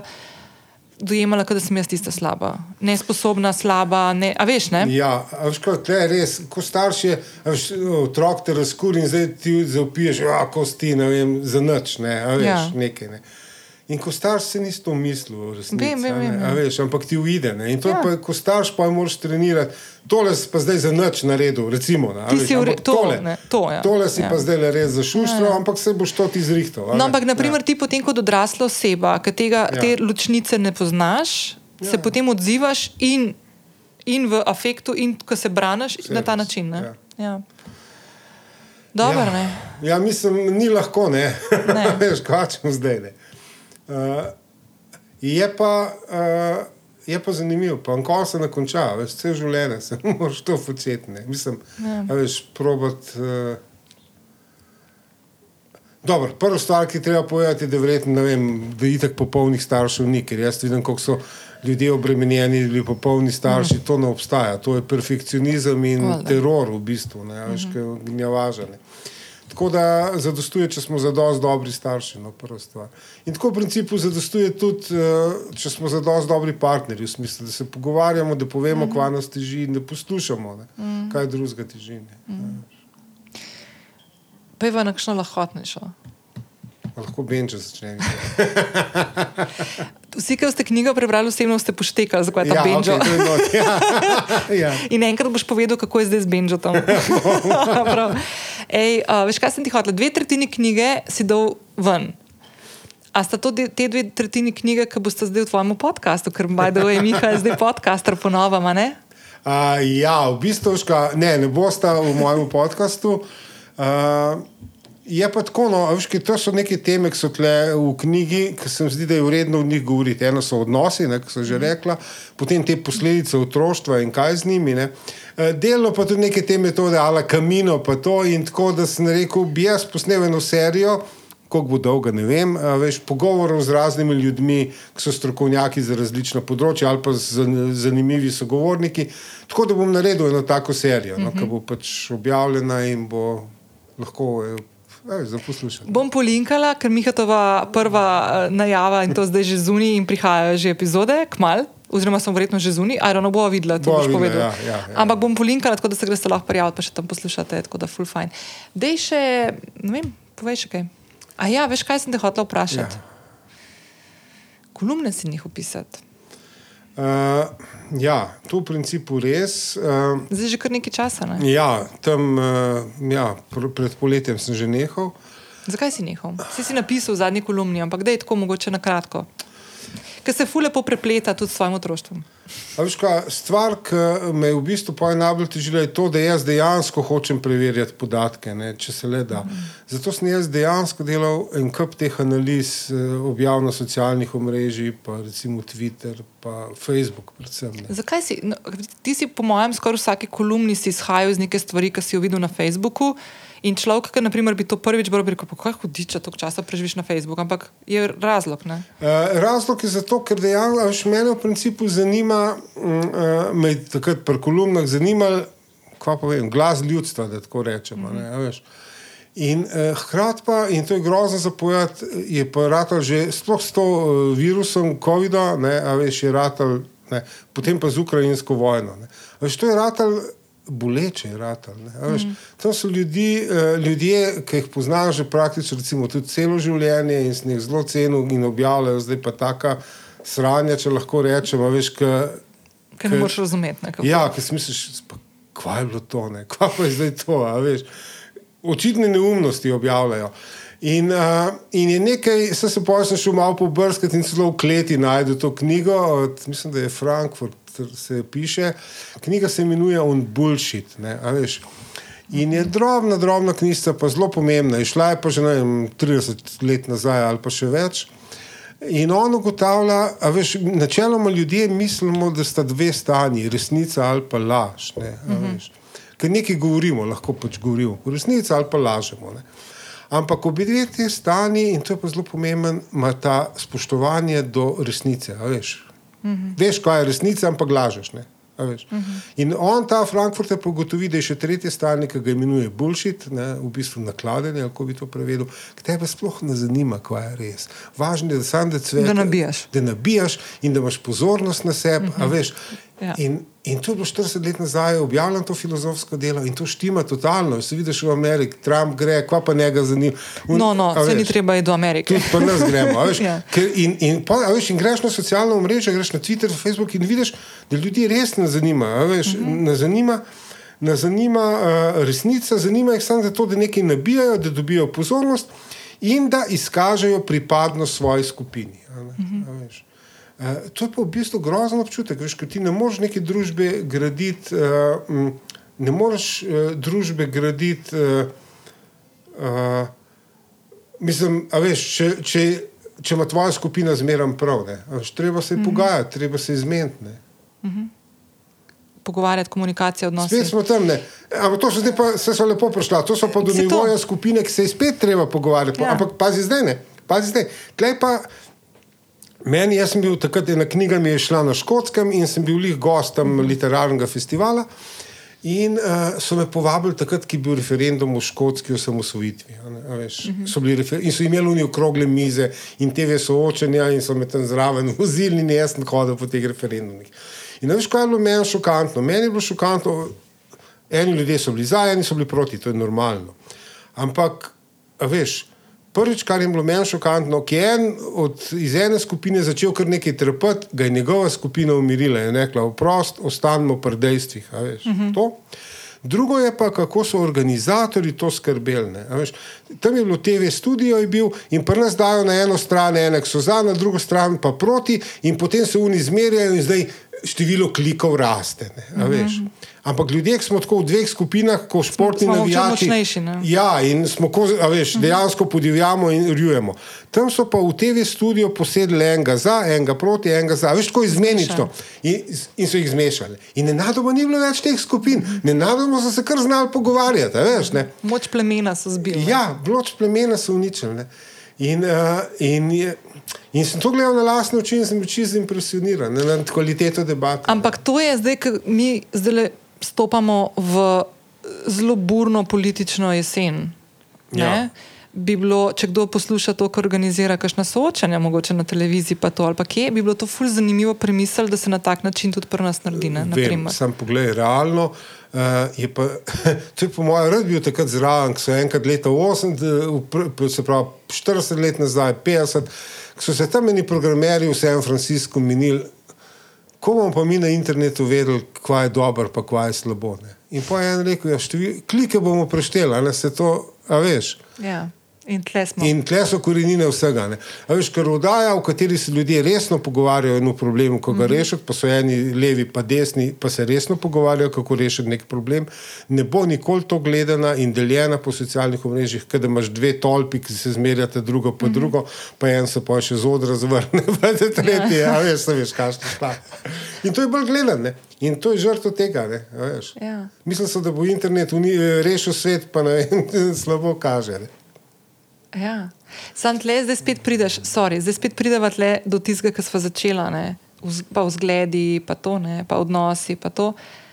Kaj mene ful žalosti je, da prav, še posebej pol pri teh stvarih, kot so razne kampanje politične ali pa če gledaš ti neke mnenjske vodje v nekem okolju, kako, se, kako komunicirajo, kako se obnašajo, na kakšni, na kakšni ravni in kako to je zdaj tako vse res padalo. ne. Mhm. Ne?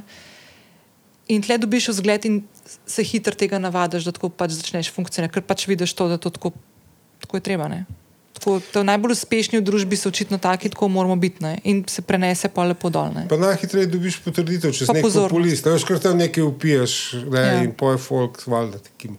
Tako da, mislim, to so mi do zdaj. to, Ne, pa saj zdaj smo kul, pa ne. depresivno končali. Ne, se bova na high note bova šla. No, deva, da ga vidim. Ja, ne vem. Ja. Je noč, a bova šla na kakšne potovanja, pa počitnice. Zdaj zima. Ne moreš, ker zdaj boš imel ful stvari za delati, pa podcast moraš ja. snemati, Ja, pa know. Instagram moraš objavljati. ja, gotov sem. Težko je biti moški, boš rekel. Ne? Ne smešno je, kaj, težko je, zdaj pa rekel nekaj drugega, težko je biti pisatelj, to je ironično rečeno, ampak veš zakaj?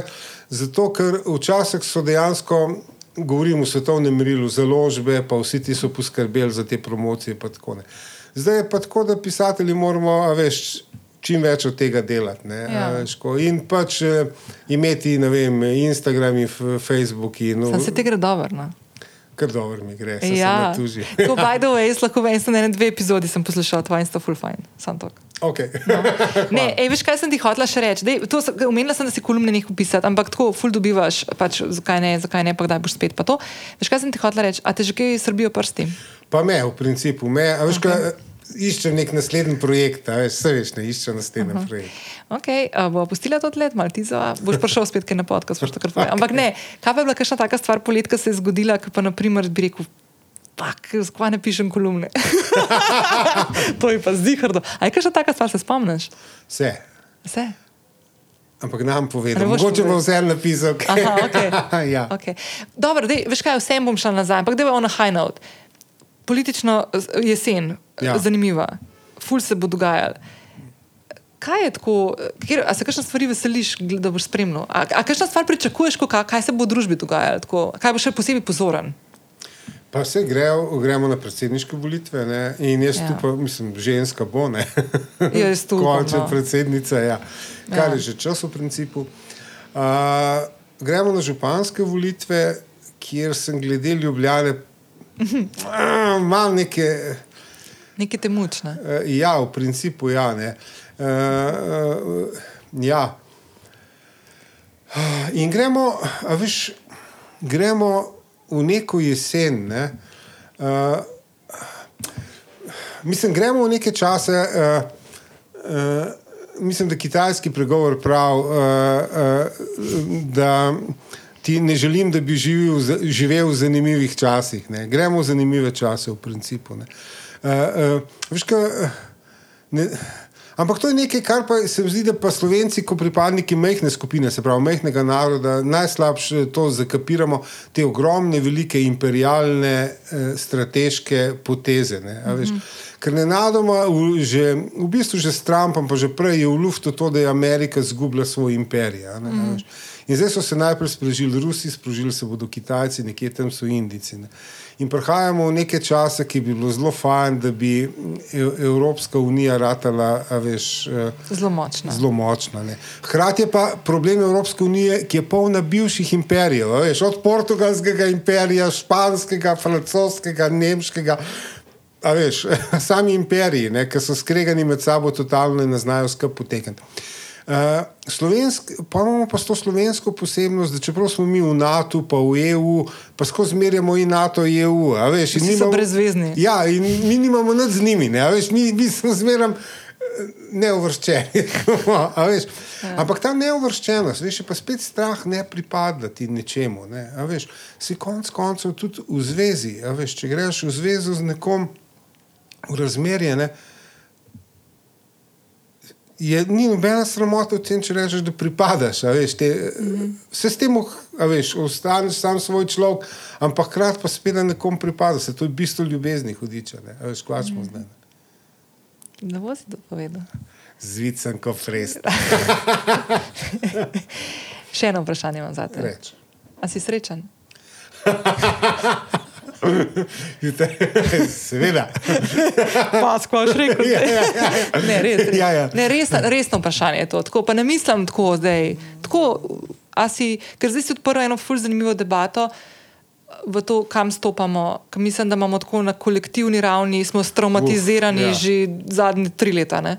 Ali pa še kakšno Še, več. še več, verjetno. Ja. In, in ta neka kolektivna tesnoba, ki se jo eni mogoče malo bolj zavedamo kot drugi, ne, je Mhm. prisotna. In mogoče zato sem hotel samo to izpostaviti, no, zato ker se mi zdi, da imamo to kar malo prisotno. pri- Ja, veš kaj, jaz se ne predstavljam v principu, veš, eh, recimo zunanja situacija je slaba. Ne. In potem ima nek človek slabo situacijo, recimo še v službi, ne, uh -huh. veš, pa pride domov, ima Mhm. še slabo situacijo doma. Ne, noro. In zato je spet moja ljubezen do brskanja za podatki, zato mislim, da vem, mi imamo blazno potrošnjo zdravil za živce, kot reče. Veš, od antidepresijo Mhm. do vsega hudiča in pol ljudje jejo za živce nekaj, ne, blazne govtejo svašta. Ne. In zdaj, a veš, pa pa ste vprašanje, kva lahko tle spremeniš. Za zihar lahko spremeniš odnose s svojimi najbližjimi. No, to, tle imaš nek vpliv. Ne. Zdaj, koliko imaš vpliva na državnem nivoju, ajde, saj to, da greš na volitve, kater so, ne, to ga imaš. ne. A, Vmes je pa, veš, ta nekaj, mm, kar, kar so vsi, in je to zanimivo, in tem se sploh ne govori. Uh, uh, ne, neče, kar, zato, ker je socializem, ne, bivši sistem, je to sovražil do dna duše. In kapitalizem to najbolj na svetu sovraži in to je skupno dobro. Uh -huh. uh -huh. Obstaja skupno dobro, -huh. ker se ljudje pridejo skupaj in nekaj naredijo. Uh -huh. Ampak to je nevarno za te elite. To je nevarno za vse, za une komuniste, ker veš, nenadoma Ja, ni bila ja, to ja. državna lastnina, ampak nekaj skupaj, pa ni bilo partija, ampak nek, neki ljudje so se zbrali, nekaj so za skupno dobro delajo. Za kapitaliste je pa še bolj nevaren, ker veš, tudi, ne, to ni biznis, ampak je delo za skupno dobro. In vse raziskave dejansko kažejo, ne, da se tvoje počutje izboljša, če narediš eno dobro delo na dan. No, pa nič nujnega, da je to kaj belizga. ne. A veš? Ja. In to je edino tako, kako je banalno, uh, da so zdaj v bistvu prišli od tega. Edino, kar jaz lahko povem, uh, je, da se pogovarjaš s svojimi, poslušaš in pogovarjaš s svojimi bližnjimi. Uh -huh. Probaš kaj narediti smiselno delo uh, uh -huh. Za skupno dobro, uh, in da probaš najti službo, v kateri tudi upravljaš neko smiselno delo. No, -huh. In to je vse, noro, a? to je to. A je še kakšna stvar, ki bi jo hotel dodati? Če ptijo ta Benjo malo na strani. Se je bral knjigo samo zaradi tega Benja. Kaj s tem Benjo? Kaj s tem? Benjo? Ma ko bi... Uh, okay, uh, od tesnih bralcev in bralk sem dobil samo en negativen odziv. Res? Ja, In to je na začetku, kar je zmeraj zelo kočljivo. Ne? Ti daš knjigo in imaš reči, ah, sranje. Ne? To je zmeraj zelo kočljiva situacija. No, in mogoče bi to izpostavil. Ne? Mm, uh, to je bila neka pač gosp, mlajša, gospa, gospodična, ne vem. Ne? Uh, ker jaz to knjigo začnem s primerom uh, dejansko enega pisateljskega kolega, um, ki sem ga videl, kako se samo uničuje. Uh -huh. In potem sem to malo raziskal in gotovo, da se je to doma naučil, ne, da se samo uničuje. In, uh, in potem sem pač ugotovil, da so ga pač kot doma sprogramirali in to on že cel življenje izvaja. Ne. In potem. Uh, Si, in potem si v knjigi zastavim vprašanje, s tem začnem. Ampak, če so njega sprogramirali, pač tako so ga, kako so pa sprogramirali mene? Uh -huh. In to je, ko ne rečem, lov te knjige, da grem odkriti, kako so me sprogramirali. Uh -huh. ja, no, in ta testna bralka je rekla, uh, je rekla da je brez veze ta knjiga. In, sem, in pa me zmeraj zanima, na kateri točki se ti utrne ta misel. Yeah. Kjer mu trenutku si ti začutila, to je pa brez veze, to pa nam brala. Ne? Poreče je tam, ko vprašaš, ko so pa mene sprogramirali v otroštvu. Koga pa to zanima, ko so te sprogramirali v otroštvu? In jaz sem tako gledal in nič ne rečem, ker klepa nič nisem reči. Ampak. A je to neka oseba, ki ti poznaš? Ne, ne, namenoma sem hotel bralca, ki ga okay. ne poznam osebno. Ne. Ne, ker, naprimer, če se ti to zgodi z neko osebo, je po mojem to moment, ko rečeš, šit, ta oseba je čist nekaj drugega, kot sem jaz mislil. Ja, ker me se zdi tako zanimivo, da nekoga ne bi zanimalo, kako so ga sprogramirali. Ker to pomeni, da voziš na avtopilotu skozi življenje. Ja, v bistvu, ja, ja. Veš, Tirnice so ti postavili in ti pičiš in misliš, stari, čist svoj sem jaz. Ne. Jaz sem povedal tudi eno stvar, ja, ki si jo noter, pa ja. upam, da boš dal uh, kam tako najlepši stavek, eden, naj, ali pa eden najlepših stavkov v tej knjigi, ki je sicer povezan z neko zadevo, ki ne bo tle razpredala, ker je čez predolg, vezan na eno situacijo, ki jo pišeš v knjigi, je, kako si lahko sama, če imaš sebe. Se to je res. Ampak, veš, kaj je zanimivo, koliko let traja, preden to spoznaš. Ja, ja, ja ne, ampak ful je lepo napisan in to je tisto, sam sebi si lahko ful dobra družba. In ful je dobro, če znaš biti sam sabo, ker še lepo si lahko tudi z drugimi. to je res, ja. A veš, ker jaz, eh, to, to je spet neka izkušnja dejansko. Ne vem, če bi zdaj upal zaupati, a veš, je to partnersko z nekomu, ki bi bil skozi v nekih odnosih. Ne? Veš, ja. Rabaš se vzpostaviti no, na nek način, mm. da si okay, sam s sabo sem in poj pa. Eh, ne da se okleneš nekoga, zato, ker bom pa kar umrl, če bom sam, ampak zato, da dobiš češnjico na torti. No, ja. ne reče, veš, dobi, ker je bolj biti skupaj. No, ja. Ja. Ja. ja. That's it. no, pa si srečen. Sem, ja, valjda. Ma trdijo, po eno uri zasliševanja je osumljenec priznal. Klele ima to žromete v glavo. Ja, tako je, pa pedre. Best. Ok, noč to je to. Uh, spremljite Miho, zdaj tudi ponovno na Instagramu, pa podkastu, kjer bo zelo vestno objavljal, kje se bo kje pojavljal, ker bo je, da gre tudi na neko, bo šel malo po Sloveniji. Tudi, ja, kaj, turneje, ne vem. Turneje bo imel. No, Mogoče tudi jaz sem prišla, no. pozdrav no, koga. Je prav? Ja. Je prav? Okay. Lepo se imejte, Miha, ful, hvala, da si bil, uh, da si se vrnil. Hvala tebi za vabilo. Ja, pa uh, sem ful vesela, da se vračamo po poletnem premoru s tabo nazaj v ritem. Ok, čau, čau. čau. Jaz sem na začetku epizode, preden smo skočili v pogovor z Miho, obljubila, da bom na koncu še par stvari povedala. In bom začela najprej s stvarmi, ki jih lahko najdeš na zapisu epizode in svojih z Miho v pogovoru omenila. Um, kje lahko kupiš v prednaročilu po zniženi ceni knjigo osebno, kje lahko kupiš trilogijo, o kateri smo danes tudi govorili. To so tri knjige: Otroštvo, Kralj ropotajočih duhov in knjigo osebno skupaj. Uh, potem sem polinkala uh, knjigo, ki jo je Miha omenil, uh, o Bullshit, pa njegov podcast, podcast osebno, ki ga Miha prav v teh dneh pošilja v slovensko podcast Vesolje in pej se prijaviti, posluši full so fajn epizode, prve, uh, jaz sem jih imela priliko poslušati in so res fine, pa še po, uh, Instagram profil, ker je zdaj šel na Instagram in ga lahko greš tja malo pofollowati, pa mu malo rečeš, da ne bolj pogosto objavlja. um, Zdaj pa malo teh razmišljanj, ki sem jih imela in so mi krožljali možgane pred, med in po najnem pogovoru. Um, jaz sem v bistvu zelo vesela, da smo naredili danes ta revil. Um, zato, ker mislim, tako zelo iskreno lahko bi posnela ta pogovor, pa tega ne bi povedala, ampak se mi je zdelo pomembno, pa predvsem iskreno do vas, drage poslušalke in poslušalci, da če se pogovarjam z nekom o odnosih, ne, da pač. Povem, da sem v odnosu z človekom, s katerim se pogovarjam, in moram eno stvar povedati. Ne, jaz sem vedela, da ta pogovor ne bo lahko speljati.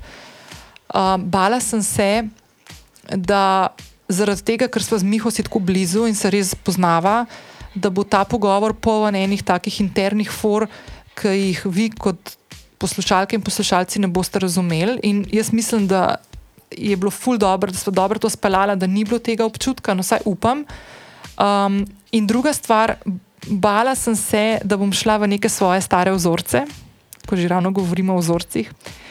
In to je, da bom preveč stvari delila ki so najne, uh, ki sodijo v neko najno življenje, uh, ki nimajo konec koncev veze um, z pogovorom, ki ste ga pravkar poslušali.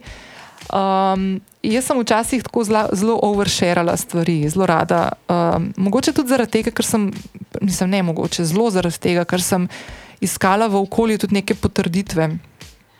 Uh, sebe, uh, ki jih zdaj v bistvu ne rabim, že nekaj časa več, ker to sama pri sebi znam upravljati in najdete. Um, pa še ena stvar, v bistvu,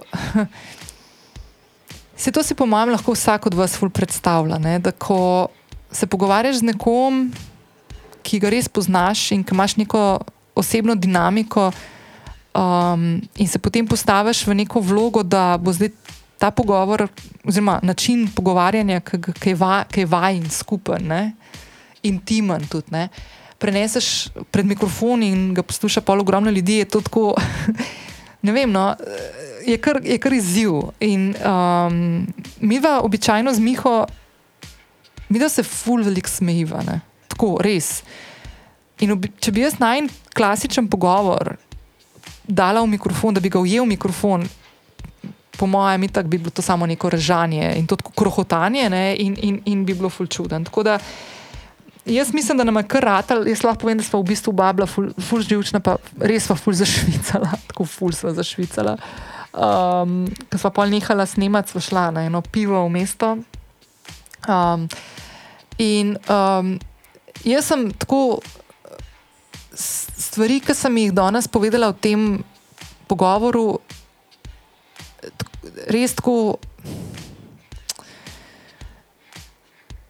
Nočem biti prodajna, ampak jaz si tako iskreno. In to od prvič, ko sem prvič to knjigo prebrala, in to je bilo, um, mislim, da februarja ali pa marca 2021, jaz sem prvič to knjigo osebno brala v angliškem jeziku.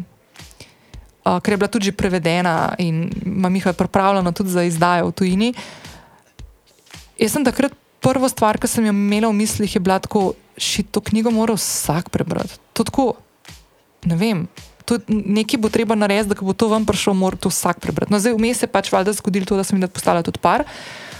In um, valjda mu želim, da je ta knjiga ful uspešna in jaz verjamem, da bo uspešna. Ampak to je res ena od tistih knjig,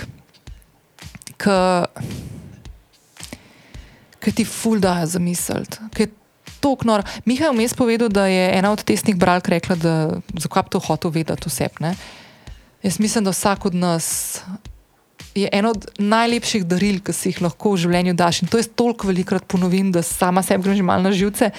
Ampak najlepše darilo, ki si ga lahko podariš, je, da sam sebe odkrivaš. Da odkrivaš svoje nianse, svoje uh, skote, skrite um, misli. Um, ful je to težko delo, tako ful je težko, pa ne rata vedno. Um, ampak je tako blazno potrebno, tako blazno pomembno je, da se spoznaš, da veš, kdo si. Um, in bom jaz tukaj le zdaj le um, izkoristila tole misel, da preberem en stavek iz knjige osebno, ki točno o tem govori. Da v tem smislu, da kako. Kaj je tudi ena od podlag dobrega odnosa? Ne? Da najprej moraš priti do sebe, preden lahko prideš do drugega.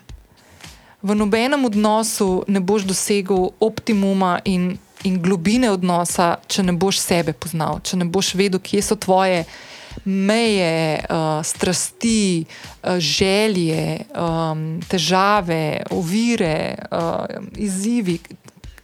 Svojo globino moraš poznati, preden lahko začneš odkrivati partnerjevo, partnerji, pra, pa, ali pa od partnerke globino in ustvarjati neko skupno polje, preseg, tako kot Miha temu pravi, bližino. Um, in jaz mislim, da je ta knjiga res. Ful je fajn, ker je v obliki romana, ker ni v obliki neke knjige za samo pomoč, uh, ampak je res tako knjiga, ki te skozi potovanje, njihovo potovanje, um, pelje v odkrivanje in skozi potovanje samega sebe. Um, Miha je rekel, da najlažje bi bilo, da bi se zakril v nekega literarnega junaka. Ampak dejansko če je hotel premik narediti, je mogel sebe razgaliti. In je mogel, kot je ena od testnih bralk napisala v svojem odzivu, je mogel svoje osebno narediti javno. Um, in jaz sem mu fulh hvaležna za to, um, zato ker je izredno veliko darilo dal uh, vsem, ki se bomo te knjige lotili in jo prebrali. Uh, darilo v obliki tega, da spoznamo sebe bolje, da se razumemo, da razumemo svoje odnose, da razumemo, zakaj se določene stvari dogajajo, kaj lahko naredimo, um, da to presekamo, in da konec koncev ne samo, da postanemo boljši ljudje, sočutni ljudje, do sebe sočutni, do drugih sočutni, ampak da s tem damo v mozaik velik del tega, da vsak od nas še bolj močno in na boljši, konstruktivnejši, nežnejši, empatičen način, prijazen način vpliva na to, da se kot družba spremenimo in gremo v smer bolj sočutne prihodnosti, skupne prihodnosti. Evo, to je to, to sem hotela dodati.